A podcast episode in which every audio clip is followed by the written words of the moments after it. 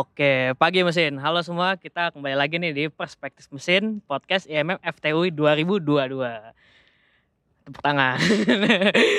Oke, nah, nah sebelumnya nih kenalin nih, kita nih gua dulu mungkin ya. Gua Isan mesin 21 dan juga ada teman gua nih. Gua Argun mesin 21 dan kali ini kita bakal menjadi host di episode podcast yang sangat wow ini. Yakin wow. nah, jadi nih kita mau ngapain sebenarnya nih? Tahu nggak lu? Awalnya kita mau ngapain sebenarnya? Gua nggak tahu apa-apa, pokoknya gue cuma disuruh jadi host buat jadi podcast doang. Oke, jadi sebenarnya gua denger-dengar nih ya dari yang ngajakin kita podcast. Jadi kita bakal bahas yang agak serem-serem nih, Gun. Bener banget nih, bener banget. Gua gua juga setuju. Kalau gue inget-inget lagi mungkin sempet disinggung sedikit kali ya dengan eh, berkaitan dengan tema podcast ini gitu kan. Sebenarnya tema podcast ini tentang cerita horor di sekitar UI.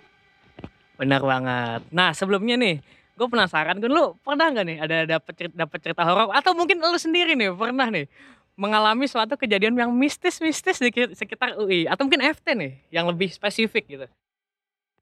Kalau gue sendiri sih cerita horor yang gue alamin belum ada sih kalau misalnya selama gue kuliah di UI atau di FT UI ini. Tapi kalau buat cerita-cerita horor ya pastinya udah pernah lah denger-denger. Nah, kalau gue sih masalahnya Gun pernah sih Gun. Loh, contohnya di Smoker S. Agak sedikit horor sih. Naruh rokok tiba-tiba dua batang hilang coy. Itu ke mana coy? Agak horor di mental dan juga kantong masalahnya. Itu salah satu hal yang paling goib sih karena teman-teman gue juga banyak cerita horor yang kayak gitu juga persis sama kayak lu. Malah dia nggak dua batang doang, dua bungkus. Guys mau kares. Kira-kira ke mana ya rokoknya ya? Nah, tapi ini eh, udah dari cerita gua nih. Mungkin itu masih nggak terlalu horor. Mendingan kita langsung aja masuk ke cerita yang lebih horor lagi gue. Yang Bener beneran hantu lah, beneran hantu-hantu mistis-mistis gitu. Oke. Nah, oh iya by the way ini disclaimer ya, cerita-cerita yang kita dapet ini dapetnya dari internet. Juga di kayak di sosmed dan juga cerita dari teman. Nah, jadi kita lanjut aja kali ya ke cerita yang pertama. Nah, jadi ada yang pertama nih. Jadi kisah horor di kampus UI yang pertama itu yang paling terkenal nih Gun. Terkenal banget nih. Nah, pasti anak UI kebanyakan tuh pasti tahu atau mungkin pernah ngerasain sendiri malah Gun. Yaitu adalah kisah dari kereta hantu. Waduh, kereta hantu Gun. Mana gua tiap hari eh tiap minggu gitu pulang lagi gue. Gimana ya? Malam-malam pulangnya takut juga gue nih baca-baca begini. Nah, jadi ini dikisahkan bahwa pada waktu menjelang tengah malam nih, kadang ada kereta yang berhenti di stasiun UI untuk ngangkut penumpang. Nah, salah satu kisahnya itu mengenai kereta hantunya yang cukup nge-legend nih di UI nih adalah seorang mahasiswa UI yang pengen balik nih ke rumahnya di Tebet.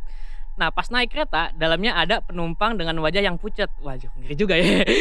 Nah, selama naik ke kereta nih, nggak ada nih orang saling saling ngobrol gitu kan misalkan di kereta kan ngobrol-ngobrol tipis gitu kan.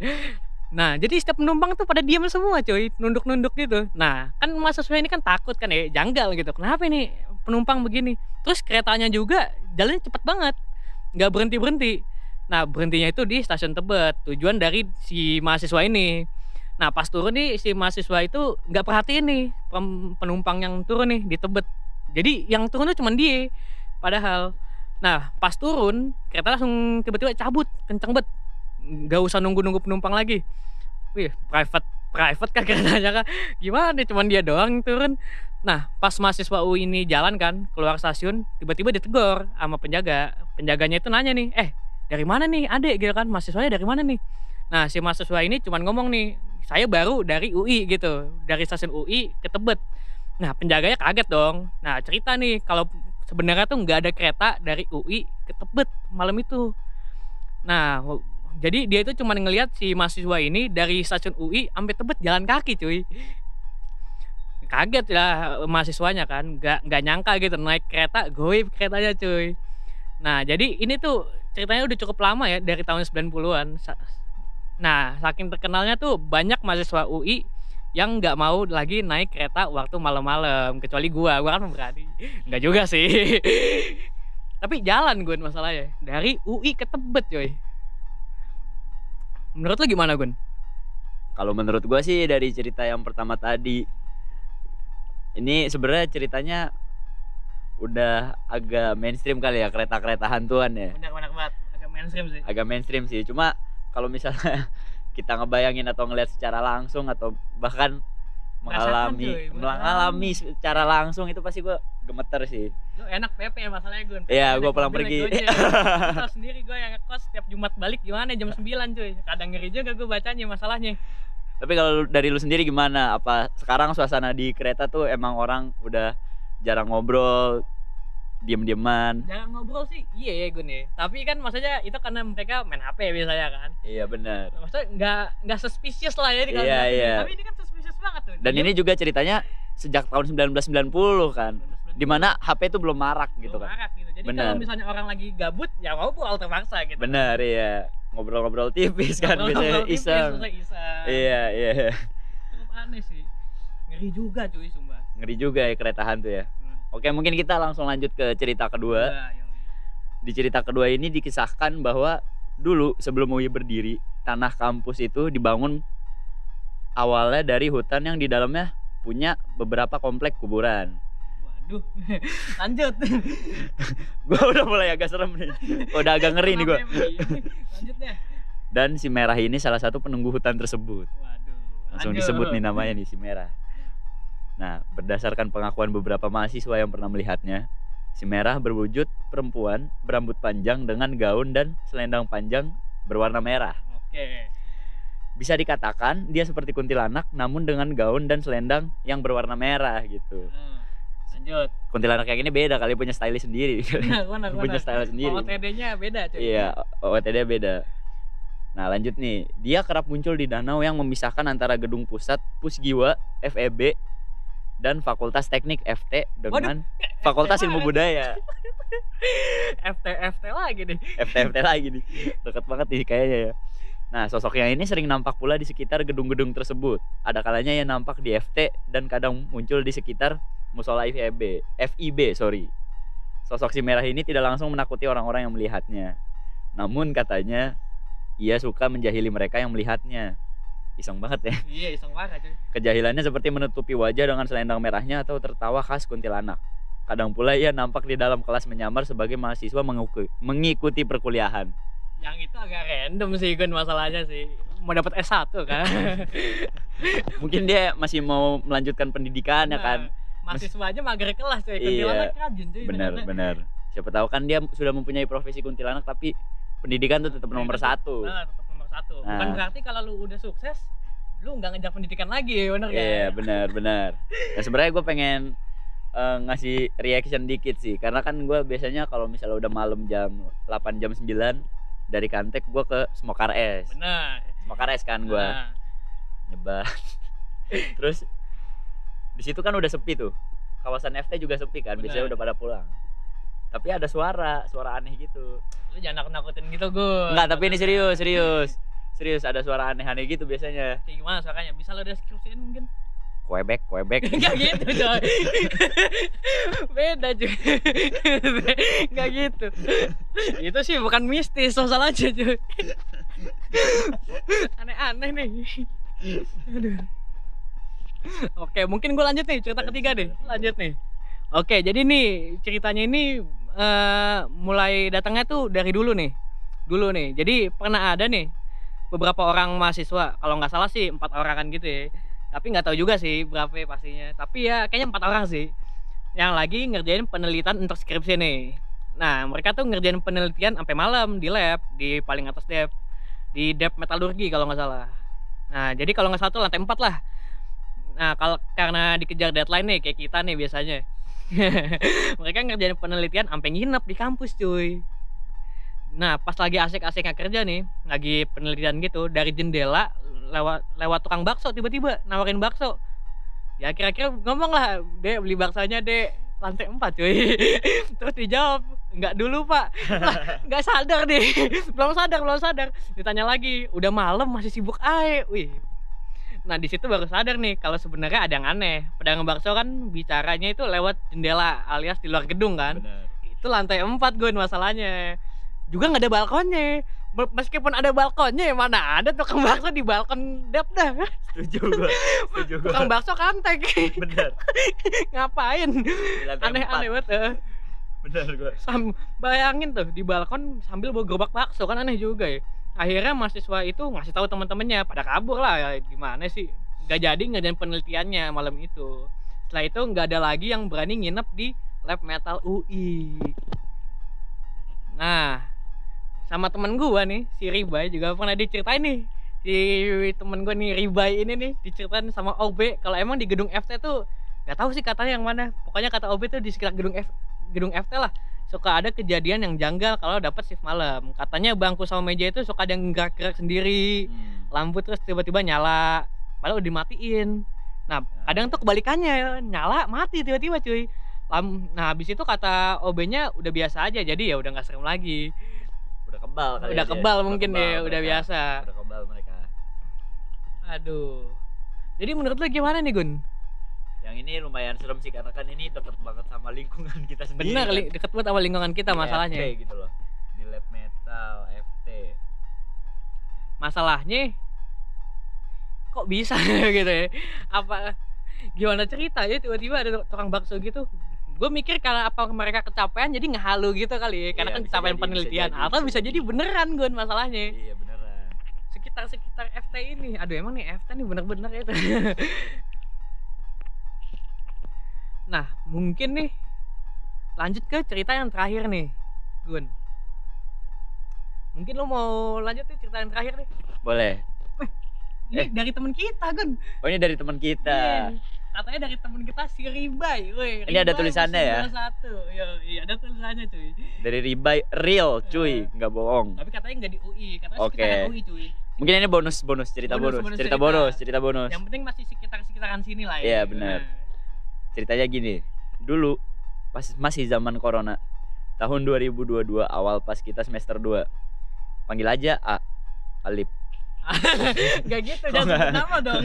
jangan sebut nama. Nggak, bukan itu gua nggak salah panggil aja si A dia tinggal di Bogor tapi karena dia anak organisasi dan rajin datang ke kampus dia pun memutuskan untuk ngekos waktu itu dia bi- bisa dibilang kos masih pada sepi banget karena masih corona jadinya kelas offline pun masih jarang banget kan Benar, benar. kita juga waktu semester 2 kebanyakan online Benar. kelasnya Kayaknya malah online semua sih. Nyaris-nyaris mau UAS ya baru. nyaris-nyaris kadang-kadang mau uas baru gitu. offline nah jadi sebenarnya banyak kos yang kosong tapi karena dia ngerasa belum begitu penting buat ngekos dia masih sering pulang pergi akhirnya dia cari yang murah-murah aja dia pun rencananya ngekos berdua bareng temennya biar bayarnya dibagi dua nah singkat cerita nih setelah ke sana kemari mereka nemulah kontrakan yang luma- lumayan gede dan murah bentuknya rumah dua lantai kalau nggak salah sekitar satu setengah juta per bulan di daerah Beji Wah, dekat, dekat, dekat. Dekat, Masih masih dekat, dekat. lagi, cuy.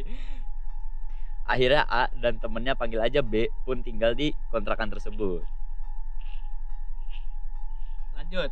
lanjut nah sebenarnya si A dan B ini tipe orangnya yang agak skeptis tentang hal-hal mistis. Oh, jadi dia nggak terlalu itu ya, apa sih eh, percaya ya? nggak terlalu percaya lah percaya iya ya. benar. Nah tapi bulan pertama mereka tinggal di situ nggak ada hal apa pun yang janggal. Kayak rumah biasa lah. Oke, kontrakan tinggal biasa lah ya. berdua. Nah, iya biasa lah. Bangun tidur makan bangun tidur makan oke. lah. Itu Lanjut. tuh kegiatan. nggak tahu. Ngampus, ngampus ngampus, ngampus ngampus. kan mereka sibuk organisasi jadinya rajin datang ke kampus. Iya ngampus. benar sampai mana tadi gue lupa oke tadi bulan pertama lanjut Oke. bulan kedua Tahun kedua. mereka mulai merasakan sesuatu yang ganggu nih gangguan pertama yang mereka alami adalah mereka sering kali terbangun secara tiba-tiba pukul 3 pagi dan Hmm. iya bangunnya bareng gitu padahal mereka beda kamar awalnya ya mereka pikir kayak ah ya udah kebetulan doang tapi kejadiannya nggak cuma sekali san Sering. nggak tahu tapi nggak cuma sekali Oh, nggak cuma sekali ya nggak intinya cuma ya. sekali nggak Nah. cuma sekali bangun barengan jam 3 pagi. Udah Lanjut tuh. Penasaran banget gue nih. nah lanjut. Beberapa waktu berselang muncul kejadian lain di rumah itu. Waktu si A lagi mau tidur dia lagi buka HP cek sosmed dan lain-lain lah tiktokan Yeah. Instagram. Tiba-tiba gagang pintu kamar dia gerak. Lanjut, lanjut. Terus gimana tuh? dikira si B udah pulang terus iseng. Soalnya belakangan ini B suka nongkrong sampai malam kan. Kemudian A pun ngebuka pintu dan nggak ada siapa-siapa dia langsung ngechat si B dan si B bilang kalau dia masih nongkrong. Si A pun jadinya kayak mikir wah apaan tuh tadi? Karena pas dia buka pintunya nggak ada siapa-siapa. Nah, lanjut. lanjut nih. Dia pun cerita ke si B dan ternyata si B udah lebih dulu ngalamin hal yang sama. Tapi nggak cerita, tapi dia belum cerita. Belum cerita. nah setelah kejadian ini pula sering muncul aroma-aroma kayak bau. Bau apa nih San? Tebak. Nggak tahu coy. bau kamper jenazah Wah, horor parah coy itu sih coy. ataupun bau wangian yang nggak tahu sumbernya dari mana san terus gue inget katanya yang nulis ini Heeh. terus gue inget diceritain suatu saat si A ini lagi mandi dan si B mau mandi juga setelah si A mandi Heeh. tentu saja terus si B ini ngetok pintu kamar mandi yang ada si A ini kan katanya lagi nyoba parfum baru ya bang wangi amat sampai kecium keluar Padahal bukan dia. yang- padahal bukan dia Oke. akhirnya setelah A mandi A keluar dan bilang kalau dia nggak pakai apa-apa akhirnya karena takut si B mandinya buru-buru. Akhirnya si A juga nungguin di depan pintu kamar mandi. Saking mereka berdua takutnya. Ah, lanjut, setakut lanjut, itu. Wangi wangi apa by the way? wangi melati. Lo tahu kan? wangi melati saya diasosiasikan dengan ya kejadian mistis lah ya. kejadian mistis. Kejadian biasanya mistis, biasanya selalu berhubungan kan? Ah, benar benar benar. wangi melati. Akhirnya di awal bulan ketiga nih lanjut. Mereka sering ngalamin mimpi ketindihan ketindihan dan mimpi itu ngeliatin mereka sosok yang sama sebenarnya ini nggak tahu sosoknya belum dijelasin kayak gimana nya tapi di dalam mimpi mereka tuh sosoknya sama Lanjut. mereka pun karena takut akhirnya tidur satu kamar Weh. Saking takutnya saking lah ya. takutnya sampai tidur satu kamar kan akhirnya terus mereka pun nggak ngelam nggak ngelama nggak ngalamin kejadian-kejadian aneh lagi setelah itu san sampai suatu saat di bulan setelahnya Ah. Ini udah bulan, ya, Teh? udah bulan keempat Oke. bener teman-teman mereka main ke kontrakan mereka Oke. main nginep ya kan tidur bareng barengan dia di atas ngemper gitu kan pakai Ah. matras karena gerah ya Depok kan Ya biasa biasa lah panas pintu balkon dibuka tuh di atas biar ada angin masuk terus tiba-tiba sekitar jam 2 atau jam 3 semua kebangun dan ngelihat sesuatu yang gue yakin belum pernah mereka lihat secara nyata Ah, lanjut. Temennya si A yang tidur paling dekat sama pintu balkon ditarik oleh sesuatu yang gak kelihatan wujudnya sambil teriak nangis-nangis Weh. Weh, weh, lanjut lanjut lanjut. Eh, kenapa nih? kelihatan jelas banget kalau ada yang narik bajunya putih eh sorry maksud gue kelihatan jelas banget kalau ada yang narik baju putihnya sih temennya si A ini Ah. ke arah pintu setelah itu mereka langsung demam seminggu Wah, lanjut ada lagi nggak lanjut lanjut Nah lanjutannya nih akhirnya si A dan B tuh memutuskan untuk berhenti ngontrak di sana. Akhirnya saking buru-buru mereka pindah beberapa barang juga ketinggalan di sana. Ah, Nah pas penjaga rumahnya datang buat ngambil kunci penjaganya bilang itu lampu yang di bawah tangga harusnya kalian ganti. Saya lupa bilang kalau rumah ini nggak bisa dibiarin gelap. aduh jadi salah siapa ya? penjaganya Penjaganya. coy. aduh ini penjaganya nih gak, gak jelas nih banyak Tapi- nyawa coy masalahnya ditarik di balkon loh Itu bisa dilempar loh itu. itu bisa, Bisa jatuh loh bisa itu. mental loh Bisa itu mental loh itu. Bener banget, bener banget. gitu. orang niat kuliah malah celaka coy ini penjaganya gimana konsepnya Bener bener. Ini ini udah ini ya udah paranormal paranormal yang normalnya udah parah coy udah parah ya. udah physical soalnya Udah fisik ya. physical attack gitu kan physical attack kan. itemnya udah full coy iya makanya beda banget. ini. aduh parah banget coy tapi ini masalah si A dan si B ini siapa cuy masalahnya Nah itu anak dia. masalah beji kan Iya. kos-kosan gitu siapa nih anak apa tuh yang Unif yang kos-kosannya tuh di Beji biasanya? Selain UI gitu. Apa Mungkin. anak UI lagi? Bisa jadi, anak bisa jadi coy. anak UI. Iya, bener, bener, atau mungkin kampus-kampus Depok lainnya kali ya selain UI bisa juga sebenarnya. gitu. Tapi sebenarnya ya sebenarnya gitulah. Jujur ya ini cerita cerita yang paling serem ini yang Serem terakhir. sih cuy masalahnya. Soalnya bener-bener sampai ada kontak langsung ya sama ada kontak setannya. langsung bener. Ada ada, hal bisnisnya? Hal Bener. bisnisnya bener. Dia nggak cuma nampakin diri doang nggak cuma ngeliatin sosoknya gimana. Nah, tapi Narik orang. narik orang cuy. Narik orang. Di balkon cuy. Ngeri banget cuy masalahnya. Ini rada gila sih ini rada gila sih. Nah. Aduh. dari semua cerita ini gimana nih San? Lu apa perasaan lu sekarang? Lu takut kah?